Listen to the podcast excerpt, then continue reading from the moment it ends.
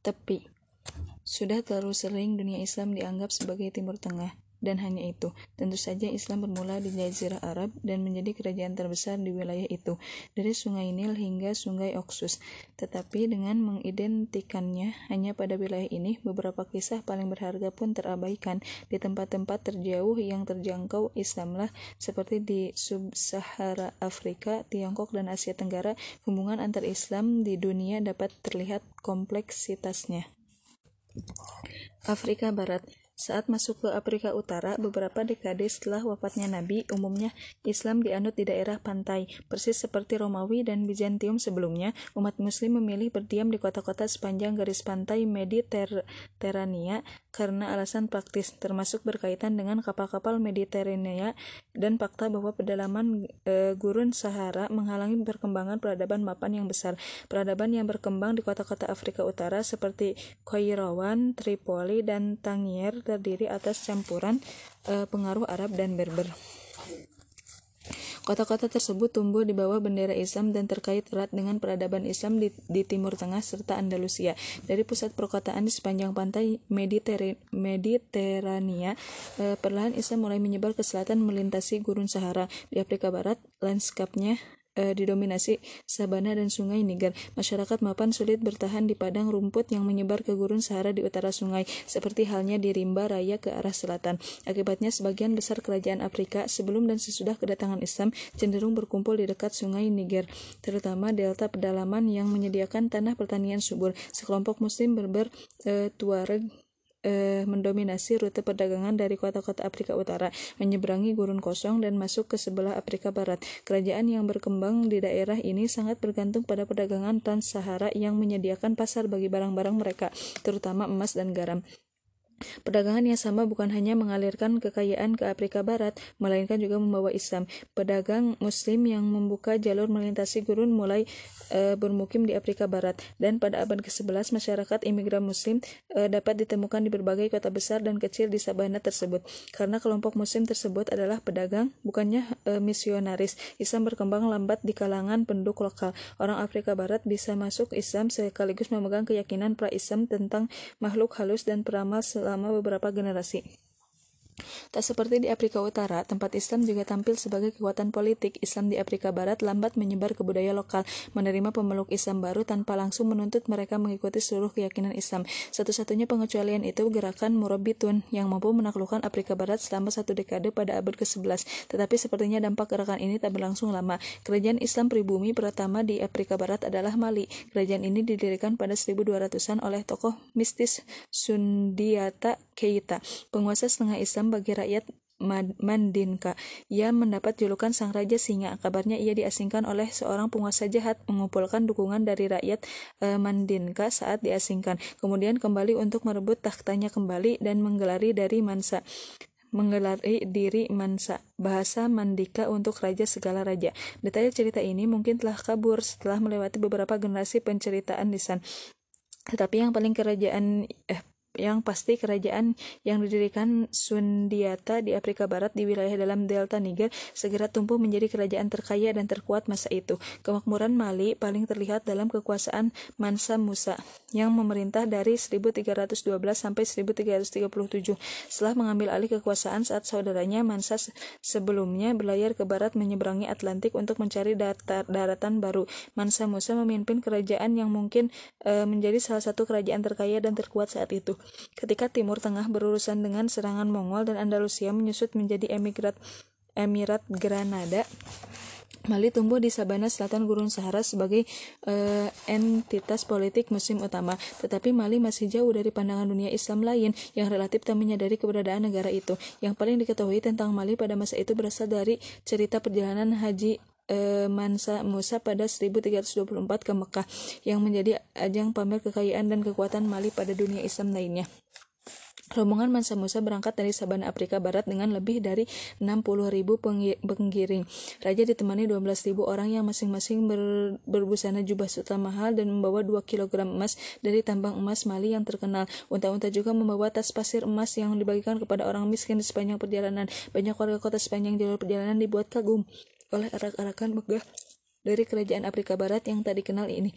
Saat tiba di Mesir yang saat itu dipimpin dinasti Mamluk, Mansa Musa meninggalkan kesan mendalam bagi pejabat lokal. Mereka mencatat bahwa sang raja sangat soleh, tak pernah lupa sholat dan menguasai Quran. Di Mesir, kabarnya Musa memberikan banyak emas kepada penduduk kota sehingga inflasi tak terduga mengancam ekonomi. Saat mengunjungi Mesir 10 tahun setelahnya, penggel Pengelana bernama Ibnu Batuta mencatat perekonomian lokal belum pulih akibat banjir logam mulia itu. Mungkin yang paling mengesankan dari perjalanan ke Mekah adalah saat kembalinya Mansa ke Mali, karena Mali masih di tengah proses panjang islamisasi dan keyakinan penduduk pribumi masih bercampur dengan uh, ortodoksi Islam. Musa menganggap perlunya pengetahuan agama yang lebih baik, menggunakan kekayaan sebagai alat memajukan Mali. Ia membayar sejumlah ulama, guru, dan seniman untuk menemaninya kembali ke Afrika Barat. Orang Arab, Persia, dan Andalusia datang ke Mali bersama Mansa Musa pada 1320-an untuk membentuk masyarakat Afrika dengan pengaruh nyata dari dunia Islam lain. Selain itu, gelombang besar cendekiawan membantu melejitkan Mali ke gerada terdepan ilmu pengetahuan. Setengah abad setelah malapetaka Mongol menghancurkan rumah hikmah Baghdad, pusat keilmuan baru bangkit di Sabana, di Sabana Afrika Barat. Pusat keilmuan Mali adalah Timbuktu, sekitar 20 km di utara si Sungai Niger. Timbuktu terletak di perbatasan Gurun Sahara dan menjadi tempat pemberhentian utama di sepanjang jalur perdagangan Trans-Sahara. Kota ini berada di bawah kekuasaan Mali selama perintah Mansa Musa dan langsung merasakan manfaat dari kedatangan para ulama. Perpustakaan, masjid, dan universitas bermunculan di Timbuktu sehingga memberikan karakter Islam yang berbeda. Salah seorang yang dibawa ke Mali, arsitek Andalusia bernama Abu Ishak ditugaskan oleh raja untuk membangun istana, masjid, dan sekolah di seluruh Timbuktu untuk uh, menyaingi pusat dunia Islam lain yang lebih tua. Musa juga mengirim ulama dari Mali ke utara, pusat pendidikan yang lebih mapan di Maroko untuk belajar konsep lanjut dalam Islam. Setelah selesai belajar, para ulama itu diminta kembali pulang dan melayani masyarakat Mali di Timbuktu.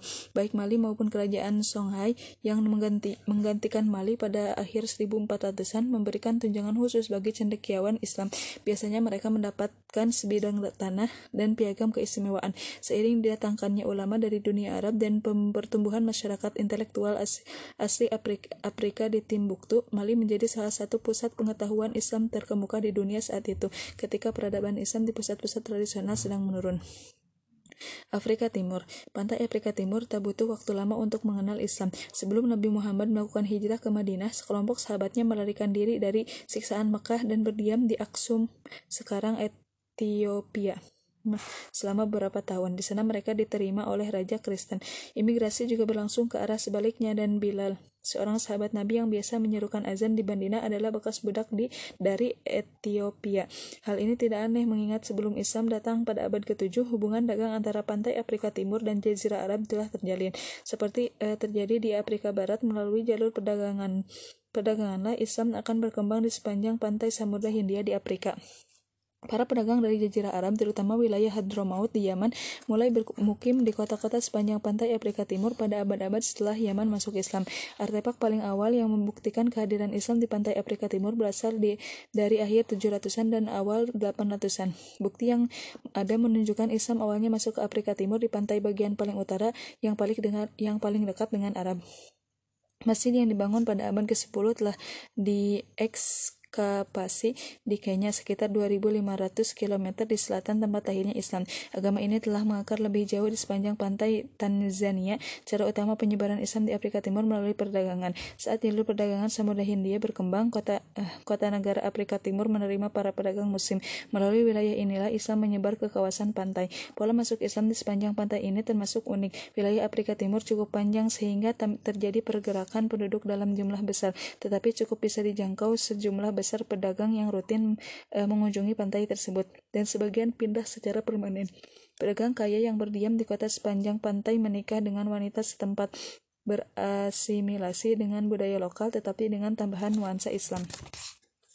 Masyarakat pemukim pemukim Arab dan Persia tidak mendominasi penduduk lokal eh, Afrika ini pencampuran budaya yang khas yang menimbul dan menimbulkan berkembangnya budaya eh, hibrida baru dengan Islam sebagai intinya. Swahili, bahasa asli Bantu di Afrika Timur, menjadi bahasa pengantar di wilayah pantai saat pedagang berpergian dari kota ke kota. Mengikat wilayah ini secara budaya dan linguistik, dengan kedatangan pedagang Arab, Swahili meminjam banyak kata dari bahasa Arab, tetapi Swahili tetap menjadi bahasa asli Afrika. Dengan cara yang sama, orang-orang Afrika di kota pelabuhan mengadopsi berbagai aspek budaya mm, Persia dan Arab.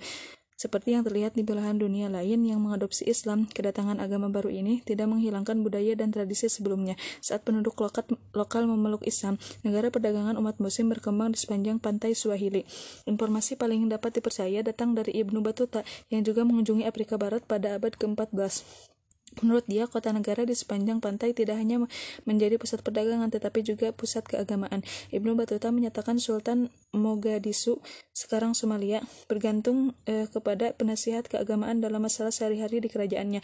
Di Kilwa dan eh, Mombasa, ia mencatat tentang semangat keagamaan penduduknya dan masjid besar yang terpelihara di kota tersebut. Secara khusus ia memuji Sultan Kilwa eh, yang memberikan perlakuan khusus kepada ulama dan keturunan Nabi serta secara teratur memberi makan orang miskin. Selain kisah-kisah Selain kisah-kisah tentang karakter Islam di pantai Afrika Timur, penting diketahui asimilasi Islam dalam kehidupan orang Swahili. Islam tidak dipandang sebagai agama luar yang dipaksakan kepada orang Afrika oleh imigran Arab dan Persia. Islam dianggap sebagai agama pribumi Afrika. Kisah tentang bila sahabat Nabi dan kehadiran pengungsi Islam di Abyssinia eh, itu penting e, bagi penduduk lokal karena membangkitkan rasa identitas yang sepenuhnya Islam sekaligus Afrika. Ada pengaruh budaya luar terutama dari Arab Selatan, Persia, dan India yang dibawa oleh para pedagang dari daerah tersebut. Tetapi mirip dengan bagian lain di dunia Islam, budaya yang dikembangkan berdasarkan karakter wilayah tersebut sebelum Islam dimodifikasi agar sesuai dengan hukum Islam, tetapi tak kehilangan pengaruh dari beragam masyarakat dan semuanya diikat dalam satu keyakinan yang sama budak Afrika dan Amerika eh, Islamisasi Afrika akhirnya membawa penyebaran Islam menyeberangi Samudra Atlantik di Amerika Utara dan Selatan. Begitu koloniasi, kolonisasi Eropa ke dunia baru dimulai dengan pelayaran Columbus menyeberangi Atlantik pada 1492. Berkembanglah kebutuhan mendesak akan tenaga kerja untuk membangun koloni e Eropa di Amerika. Rencana awal dengan memperbudak penduduk asli Amerika ternyata gagal. Jumlah penduduk asli berkurang akibat penyakit yang dua orang Eropa. Hampir jutaan orang meninggal pada awal dekade 1500-an. Koloni Eropa mencari solusi yang lebih baik dengan menjelajah ke sub-Sahara Afrika. Kemudian penduduk kulit hitam dijadikan budak. Pedagang budak Eropa tiba di pantai-pantai sepanjang Afrika Barat untuk membeli ratusan budak. Mereka bekerja sama dengan raja Afrika lokal yang menangkap tawanan perang Afrika, lalu menjualnya kepada orang Eropa dengan bayaran senjata untuk menangkap lebih banyak lagi budak. Lingkaran setan ini menimbulkan kerusakan politik total di wilayah itu. Jumlah penduduk di wilayah luas Afrika Barat dan Tengah pun berkurang. Penduduknya dibawa paksa menyeberangi Atlantik dalam kondisi yang tak manusiawi untuk bekerja sebagai budak budak di dunia baru. Tentu saja kebanyakan orang Afrika hitam telah memeluk Islam menjelang 1500-an dan sejumlah besar budak yang dibawa ke Amerika itu adalah muslim. Jumlah perkiraannya bervariasi, tetapi dari sekitar 15 sampai 20 juta orang Afrika yang dibawa ke Amerika melalui perdagangan budak 3 sampai 6 juta mungkin muslim. Pengalaman mereka di Amerika menjadi salah satu penghinaan dan penundukan bagi kolonis Eropa. Biasanya tak ada hukum yang mengatur cara memperlakukan budak sehingga pemilik bebas memukul, mengasari atau membunuh budaknya. Para budak umumnya bekerja di perkebunan di Kariba, Karibia, dan Amerika Selatan. Mereka cenderung tanpa perlindungan dan dipaksa bekerja lama. Pencambukan serta bentuk penyiksaan lain menjadi hukuman umum bagi budak yang tak mampu memenuhi harapan sang pemilik atau menentang perintah. Yang lebih mempermalukan para budak Biasanya hanya diberi satu setel kain kasar, baju compang-camping, atau bahkan dipaksa bekerja dengan telanjang. Ketika semua budak menderita di tangan pemiliknya yang ber, yang menolak menganggap mereka setara, budak muslim mengalami kesulitan tambahan. Berhenti bekerja untuk sholat lima waktu hampir tak mungkin dan berangkat haji ke Mekah jelas tak masuk akal. Selain itu, tempat mempelajari Islam sangat sedikit. Beberapa budak yang telah menghafal Quran sebelum ditangkap mampu memperbaiki hafalan dan mengajarkan sebagian Quran kepada yang lain. Maka ketika generasi berlanjut dari abad ke-16 hingga ke-19, pemahaman Islam di kalangan budak muslim musim perlahan surut. Usaha untuk mengimpor Quran dari Eropa yang dibeli untuk eh, dengan uang dari kerja tambahan membantu memperlambat penurunan pengetahuan keislaman. Tetapi ini bukanlah eh, pengganti pusat pembelajaran Islam yang besar di Afrika Barat. Akan tetapi budak Afrika Muslim punya keuntungan yang tak diterima budak lain. Berbeda dari rata-rata populasi budak di Amerika, budak Muslim cenderung terdidik bahkan dalam beberapa kasus lebih baik daripada eh, pemiliknya. Tradisi yang menekankan pendidikan di kalangan muslim secara umum dan di Afrika Barat secara khusus membentuk kelas budak muslim di Amerika yang bisa membaca, tak seperti budak non-muslim lain dan bahkan orang Eropa sendiri. Dalam beberapa kejadian, tingkat pendidikan yang lebih tinggi memberikan kesempatan kepada budak muslim untuk melakukan pekerjaan ringan seperti akuntansi dan manajemen perkebunan. Tetapi hal ini juga memberikan kemampuan untuk berorganisasi dan memimpin pemberontakan. Sebuah contoh menonjol terjadi di negara bagian Bahia, Brazil pada 1830 Ulama muslim yang dibawa ke Brazil sebagai budak memanfaatkan pengetahuan dan posisi kepemimpinannya di kalangan muslim yang cukup besar di Salvador untuk merencanakan pemberontakan melawan tuannya. Catatan yang ditulis dalam huruf Arab diedarkan di kalangan budak dengan memerinci rencana dengan tujuannya. Pemberontakan yang melibatkan 300 budak ini berakhir dengan kegagalan setelah tentara Brazil secara brutal memadamkannya. Tetapi peristiwa ini benar-benar menanamkan rasa takut di kalangan orang-orang Brazil terhadap budak muslim sehingga banyak budak muslim dikirimkan kembali ke Afrika dengan harapan bisa menghindarkan pemberontakan pada masa depan. Berabad-abad perbudakan memberikan konsekuensi kepada budak muslim di Amerika. Di sepanjang sejarah Islam, daerah-daerah yang jauh dari jazirah Arab hampir selalu memiliki semacam hubungan intelektual atau ekonomi dengan tempat kelahiran dan wilayah pusat Islam.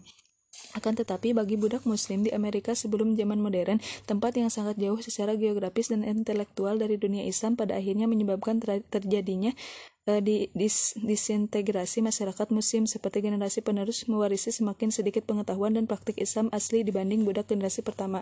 Di Amerika Serikat pada pertengahan 1800-an hampir tak ada muslim yang memahami Islam dan pada 1900-an hanya sedikit budak generasi ketiga yang dapat mengenang nenek moyang mereka melakukan ritual asing yang berbeda dengan ritual Kristen yang dilakukan sebagian besar masyarakat Afrika Amerika. Akan tetapi, kenangan e, tentang Islam di kalangan keturunan budak bangkit kembali pada abad ke-20, Denation of Islam. Kelompok agama sinkretis yang memadukan ritual dan keyakinan Kristen serta Islam hadir sebagai organisasi religius rasial yang bertujuan memajukan masyarakat kulit hitam di Amerika. Menjelang 1960, bekas anggota Nation of Islam eh, seperti Malcolm X dan W. D. Muhammad memimpin ribuan orang Afrika Amerika keluar dari kelompok itu, lalu kembali ke pemahaman yang lebih umum tentang Islam, pemahaman yang lambat laun terhapus dalam kehidupan para pendahulu mereka.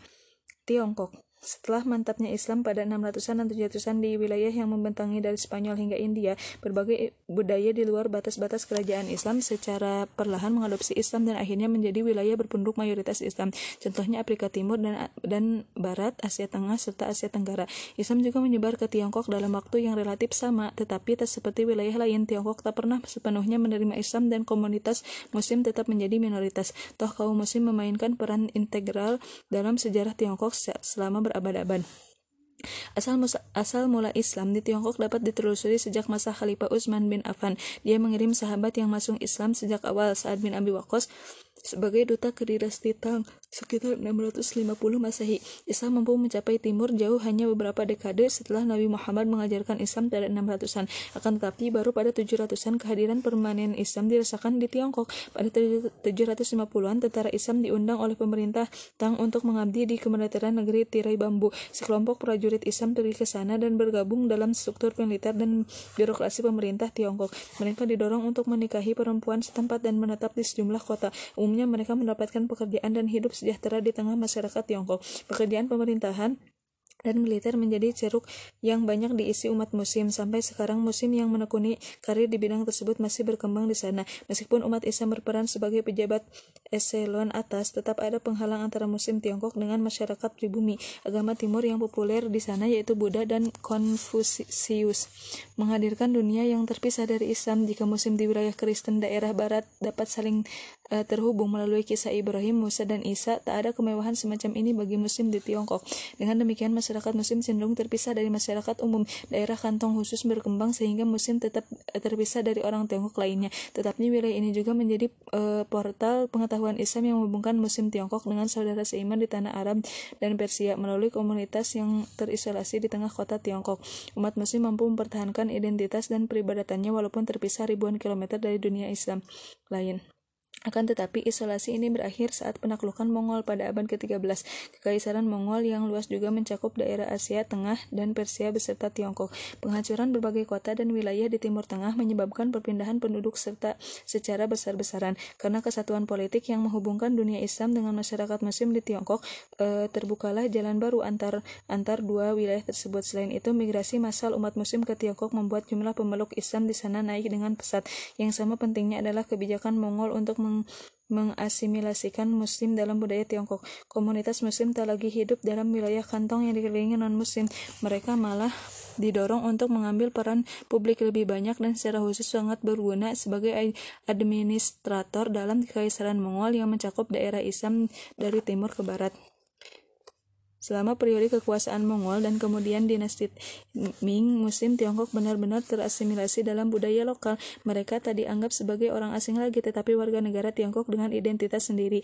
Hui Hui sama dengan Han.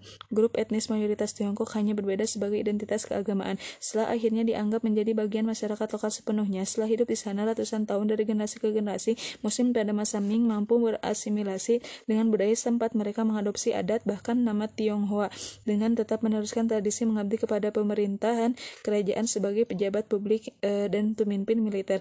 Mungkin Muslim Tiongkok yang paling terkenal hingga saat ini adalah Zheng He.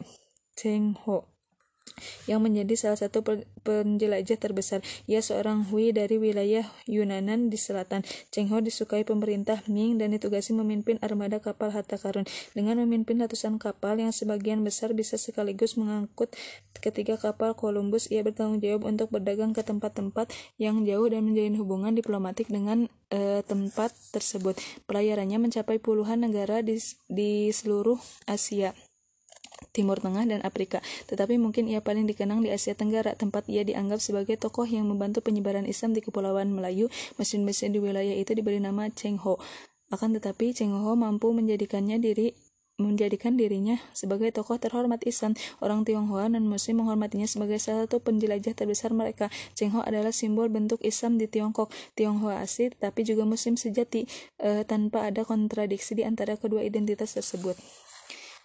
India. Setelah ekspedisi Muhammad bin Qasim ke lembah Sungai Indus awal 700-an, Islam termasuk lebih jauh secara politik ke anak benua India, sebuah tempat didirikan di Sindh. Tetapi karena jauh dari ibu kota Islam di Damaskus, kemudian Baghdad, ekspedisi militer lebih lanjut tak dapat dijalankan dan mungkin secara finansial tak bisa dipertahankan. Kehadiran bangsa Turki di dunia Islam mendorong kekuatan Islam lebih jauh ke India. Terdapat catatan terperinci tentang Mahmud dan Ghazni. Sultan Turki yang kali pertama memimpin ekspedisi militer ke pedalaman India mengangkat diri sebagai pemimpin negara otonom yang beribu kota di Ghazni. Dataran tinggi Afghanistan ia cukup dekat dengan India sehingga bisa memusatkan eh, perhatian pada anak benua ini.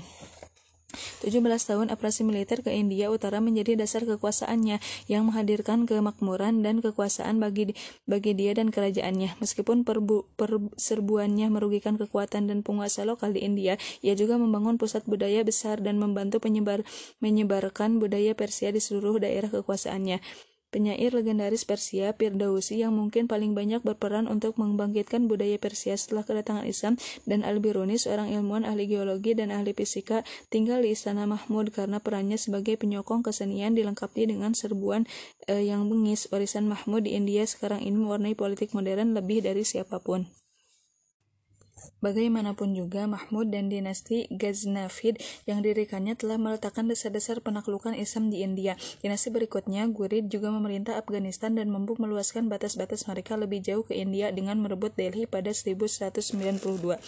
Gurid mengandalkan tentara budak dari Turki asli sebagai anggota inti pasukannya, persis seperti dinasti Ayubiyah di dunia Islam bagian barat sama dengan rekannya di Mesir yang mendirikan Kesultanan Mamluk. Para tentara budak di India akhirnya mengguling mengasinkan tuan-tuannya di uh, dan mendirikan dinasti sendiri yaitu Kesultanan Delhi. Kesultanan Delhi memerintah sebagian India sejak 1206 sampai kedatangan Mughal pada 1526. Lima dinasti budak terpisah Mamluk, Khilji, Tughlaq, Sayyid, dan Lodi memerintah uh, memerintah de dari Delhi selama tiga abad kesultanan suksesi dan konflik politik tidak terlalu penting untuk disebutkan secara detail tetapi ada kecenderungan politik yang memberikan karakter khusus pada Kesultanan Delhi. Pertama, kesultanan dijalankan sebagai dinasti budak Turki, tidak seperti Mamluk di Mesir. Kekuasaan jarang diturunkan dari ayah kepada anak. Malahan saat sultan meninggal, seorang jenderal baru akan dipilih oleh tokoh-tokoh kerajaan untuk menggantikannya. Sultan dapat diturunkan dan dicopot dari kekuasaannya oleh bawahan jika gagal memenuhi kewajiban sebagai pemimpin negara. Ini mencegah budaya puas diri yang menyerang dinasti kesultanan setelah beberapa generasi pertama. Selain itu, sebagian besar Sultan, Sultan Delhi tidak mengklaim gelar khalifah. Mereka menyadari otoritas tertinggi Abbasiyah sebagai pemimpin dunia Islam dan menganggap diri sebagai warganya. Bahkan setelah penghancuran Baghdad dan pengasingan Abbasiyah sebagai pemimpin boneka di Kairo, Kesultanan Delhi secara teratur mengirim utusan kepada khalifah untuk mendapatkan persetujuan dan izin memerintah di bawah otoritasnya. Meskipun dipisahkan oleh ribuan kilometer rangkaian pegunungan tinggi di Himalaya dan Hindukus, Kesultanan Delhi berusaha menjaga India tetap terikat dengan dunia Islam lain paling tidak secara nama. Gerak Kesultanan Delhi juga terkenal karena penyebaran Islam di daerah kekuasaannya. Tentu saja Islam sudah hadir eh, pada abad 600-an di India saat pedagang Arab muncul di pelabuhan sepanjang pantai Samudra Hindia. Tetapi dibutuhkan adanya perlindungan eh, entitas politik Islam untuk benar-benar menyebarkan Islam hingga pedalaman eh, kepada sebagian besar penduduk India.